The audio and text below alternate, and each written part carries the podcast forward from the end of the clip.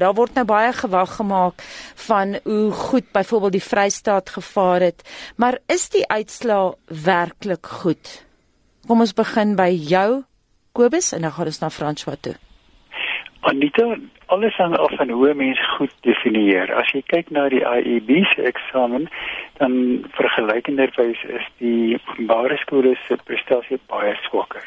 Maar gegee waar hierdie land vandaan kom, in 94 en verder, is dit as jy mens kyk na die byslag byvoorbeeld oor die afgelope 10 jaar het ons darm gekom van so 62,5 tot waar ons nou staan by 75. Ons kan ook nou nie sê dat daar elke jaar sistematiese verbetering is nie want seker jare neem dit af en seker jare neem dit toe. So baie moeilik om te sê hoe goed dit is. Ons is ons is baie bly dat dit baie mense goed gedoen het. Ek wens al die al die matrikulante, al die onderwysers en almal betrokke by die eksamen is baie geluk met 'n suksesvolle eksamen en ek wens almal alles van die heel beste toe. Ek dink ons kan trots wees daarop dat alles so goed verloop het. Ons kan trots wees dat ons redelike prestasies behaal het. Maar ek dink almal is almal is eenparig oor die volgende. Daar wag baie baie harde werk. Ons is nie naaste by waar ons wil wees nie. Ons sal daaroor ook Frans, kom ons kyk byvoorbeeld na provinsies soos die Oos-Kaap. Jaar na jaar na jaar vaar hulle swak. Moet dan nie koppe rol nie. Anita, dis 'n baie moeilike vraag. Daar is soveel veranderlikes wat in ons onderwysstelsel is. Um die Oos-Kaap het 'n klompie probleme wat nie net uh, onder die onderwys val nie, is baie sosio-ekonomiese probleme. Dis een van ons landelike gebiede saam met Limpopo en KwaZulu-Natal is dit die provinsies wat uh, waar daar verskriklik baie werk gedoen moet word en waar dit vir die onderwyser veral moeilik is, waar dit vir die kind moeilik is. As 'n mens net dink aan afstande wat kinders moet um pendel om by die skole uit te kom. Dit is verskriklik moeilik. Maar die feit dat ons uh, wel verbetering hierdie jaar gesien het, is 'n baie goeie ding. As ons kyk na die uh 3 uh onderste provinsies die wat nie so goed gevaar het nie versus die uh, provinsies wat goed gevaar het, sien ons dat die gaping tussen die twee het kleiner geword. So ons provinsies wat tradisioneel swak doen, het beter gedoen, maar ons provinsies wat beter gedoen het in die in die verlede het 'n bietjie slegter gedoen. So ons sien wel dat die Ooskaap het verbeter en dis iets waarop ons um, regtig moet fokus. Alhoewel ons dink ehm um, daar is uh, baie politieke ehm um, gedrewenheid hmm. in baie van hierdie uh, provinsies wat inmeng met uh, opvoeding. As ons net kyk na hoe die unies in baie skole oorvat, um, is dit is dit regtig moeilik om hierdie tipe vrae te beantwoord. Kobus KwaZulu-Natal is die provinsie wat die meeste verbeter het met 72% jou reaksie. Weens Anita mense het regtig baie min ehm um, inligting om mee te werk. Die minister voel dus die ingrypingsprogramme wat wat vrugte afwerp. Kom ons hoop so. Kom ons hoop dat soos hulle sê daar is beter hoofde aangestel. Daar is beter toesig oor wat gebeur in die klaskamers. Daar was beter stelsels in plek om te sorg vir verdere opleiding van onderwysers, onderwysers het steun ontvang. Ehm um, die Engels word anecdotal evidence sê dat dit nie oral die geval was nie, want daar's baie baie klagtes oor oor oor daardie provinsie uh, onder meer en dan oor alles hang daar so 'n wolkie wat sê ek wil graag weet hoe dit lig doen in wiskunde en fisiese wetenskappe. Ek het nie getuienis om te om te sê dat daar 'n ingrypende verbetering of marginale verbetering of wat ook al was nie. So ek is baie bly oor die verbetering en om in hierdie stadium te spekuleer oor die redes is regtig 'n bietjie riskant. Mens kan gek van jouself maak as jy nie weet waar presies die verbetering uh, lê nie en as jy nie meer inligting het oor wat die departement vir ons kan gee wat het gebeur in daardie skole ek weet nie.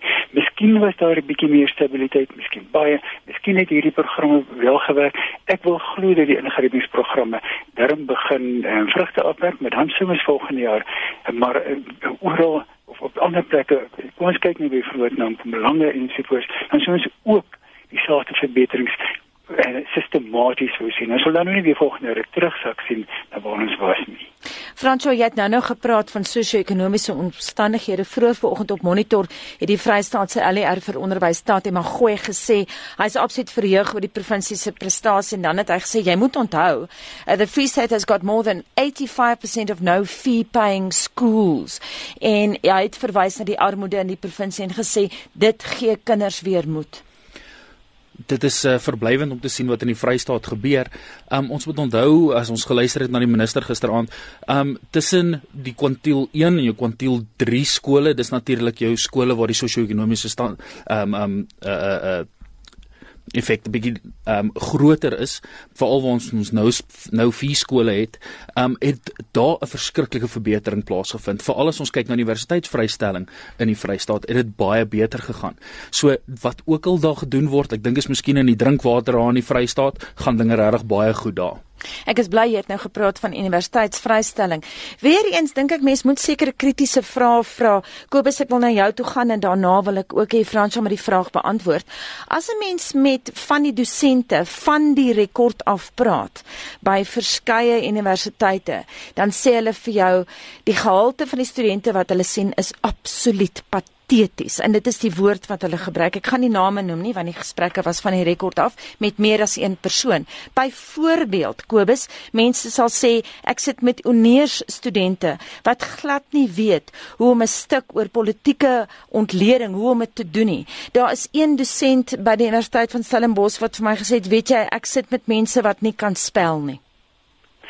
Anita, ek hoor dieselfde klagtes, maar eens is wat ons noem anecdotal. Dit dis maar ge, uh, gevalle, ons kan nie regtig veralgemeen. Ons ons kan praat van spesifieke instansies op plekke waar dit gebeur sekere studente, maar mens kan nie veralgemeen nie. Wat ons wel kan sê is die slagsyfer en die en die kwaliteit die die prestasie wat behaal moet word om deur te kom.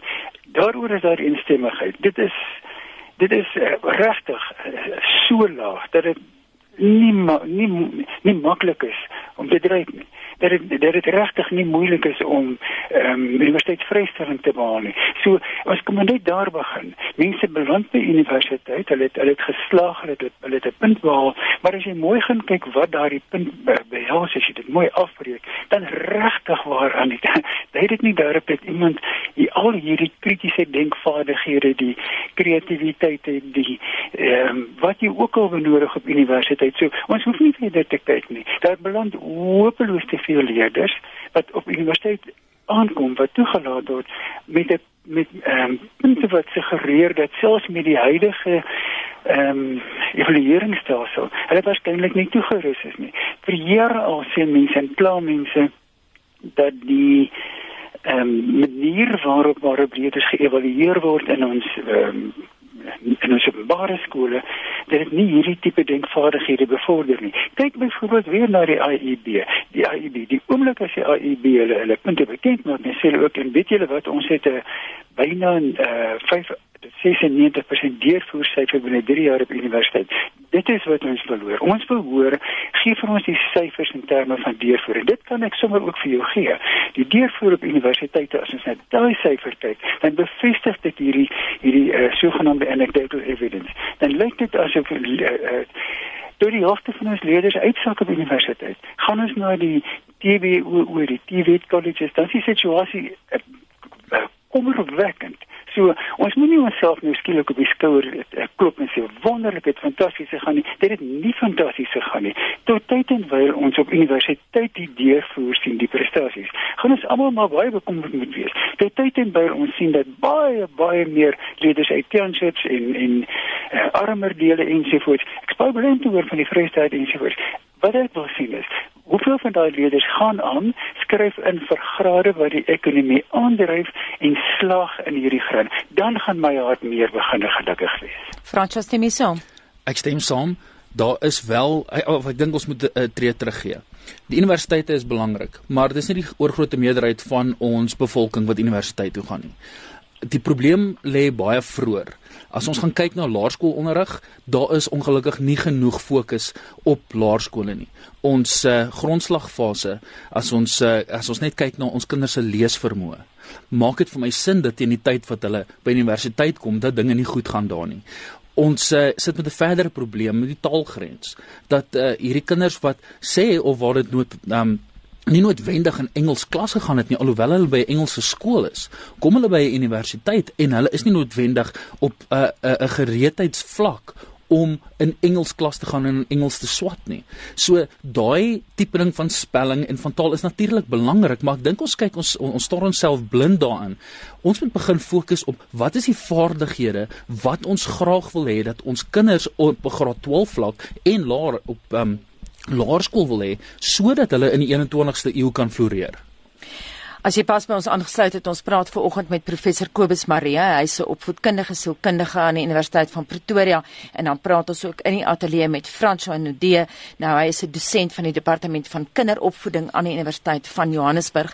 Jy het net nou gesê Kobus dat jy kan eintlik vir ons die deurvoer syfers gee op universiteite. Het jy dit by jou? Anita presies soos ek jou gesê het in in by sekere by baie TVET colleges is daar tot 90% leerders wat nie die kwalifikasie uiteindelik behaal in sekere rigtings. Universiteite, ek dink ek gaan gawe wees en sê dat 50% van van leerders uiteindelik nie die graad behaal nie. Anita, dit is kommerwekkend. 'n uh, Land met ekonomie is ons en kan dit eenvoudig nie bekostig. Ek wil net aansluit by ietsie wat wat wat net nou gesê is, die IEB se uitslaande wil nie een stelsel afspeel teen 'n ander natuurlik. Ek het ook gesê hoe verkeer is baie makliker aan die aan die IEB omdat dit baie kleiner stelsel is. Hulle kan kies watter letters let en so voort. Maar presies soos Frans wat daar sê. Die hierdie hierdie einde van die jaar is dit trots wees of begin van die nuwe jaar vreeslik en mekaar op die skouer klop die die plek het beter is daardie gedoen. En nie ek gee nie om wie beter is wie gedoen het. Hmm. Wat ek voor omgee is in watter mate is mense toegerus om die lewe daar buite te gemoed te gaan, uiteindelik sukses te behaal, dienste lewer 'n lewe te hê waar, waar hulle self gelukkig is en waar hulle vir ander mense iets beteken, kan hulle aanpas, het hulle al hierdie wonderlike vaardighede, die mate waartoe daar daarop op hierdie vaardighede gefokus word in ons skole, dit is ongelukkig heeltemal ontoereikend en daarby staan of val ek. Franco, jy het jou kop instemmend geknik toe uh, Kobus gepraat het van hy gee nie om wie die beste is nie. Dit gaan hier oor vaardighede. Kom ons gaan vir 'n oomblik terug na die matriekslaagsyfer toe. Ons moet verstaan hoe hierdie slaagsyfer um saamgestel is. Dit is eenvoudig net gekyk na hoeveel studente of hoeveel leerders in graad 12 het die eksamen deurgekom, gedeel deur hoeveel studente wat in of leerders wat ingeskryf het om die eksamen te skryf. Ons neem glad nie in ag hoeveel leerders het in graad 1 begin in die jaar 2000 of 1999. Ehm um, wanneer het hulle of dit is natuurlik later is my wiskunde het my daar lelik in die steek gelaat. Ehm um, maar Ons neem omtrent 1.2 na 1.4 miljoen graad 1s in. Maar ons slaag omtrent net 500 000 in die tyd wanneer hulle by graad 12 uitkom. Daai deurvoersyfer is my baie belangriker. Hoekom verloor ons soveel leerders in die laerskool? Want as jy as jy die somme doen, hulle dra net by die klomp wat die wat die skool verlaat, dra by tot ons werkloosheidssyfer dit is alles in een um um geweef met mekaar. So hierdie vaardighede wat ons nie op laerskool vir die vir die leerders leer nie, help hulle glad nie teen die tyd wat hulle die skool verlaat nie. Kobus, ek wil vir jou vra, hoekom verloor ons so baie leerdlinge in die laerskool? Lê die fout by die onderwysers? Anita, weet jy, ek het so uh, rukkie terug het ek in Pole is die lede verraad gelewer en die een ding wat ons daar ooreengekom het is dat hulle noem teacher bashing dit moet nou stop. Ons moet nie heeltyd die onderwysers die skuld gee nie. Ons hoef nie verder te gaan as onderwysuniese ingryping en ek hoef baie minder oor te sê.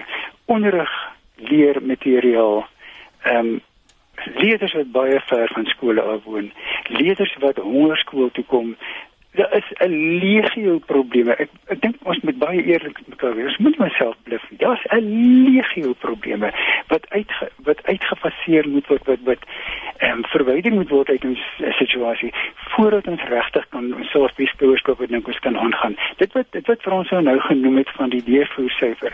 Ek dink dit sal baie gaaf wees as jy as as jy sal baie gelukkig wees as jy dalk die berekening kry en ons dit lyk of min of meer 50% van ons leerders ooit by graad 12 uitkom.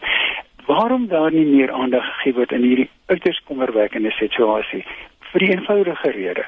Ons kan nie daardie leerders akkommodeer nie op ekonomie. Ons kan nie hierdie uitbetaling vir mense wat nie vaardigheid het, mense wat voel dat die lewe geen doel en sin het. Ons kan dit nie bekostig nie. En mag mag ons genade kry dat iemand iewers begin kyk, wat is dit dat hierdie leerders uitval? Wat gebeur? Is dit dra enkel ouer gesinne daartoe by? Is dit armoede? Is dit wat dit ook al is? Daar's baie moontlike redes, maar ek dink sistematiese navorsing is wat ons hier nodig het, uitbring van 'n verslag en hierdie probleemareas ingryp met aanspreek. Fransjo, ek gaan die laaste woord aan jou gee. Anita, daar's baie wat gedoen moet word in die onderwys.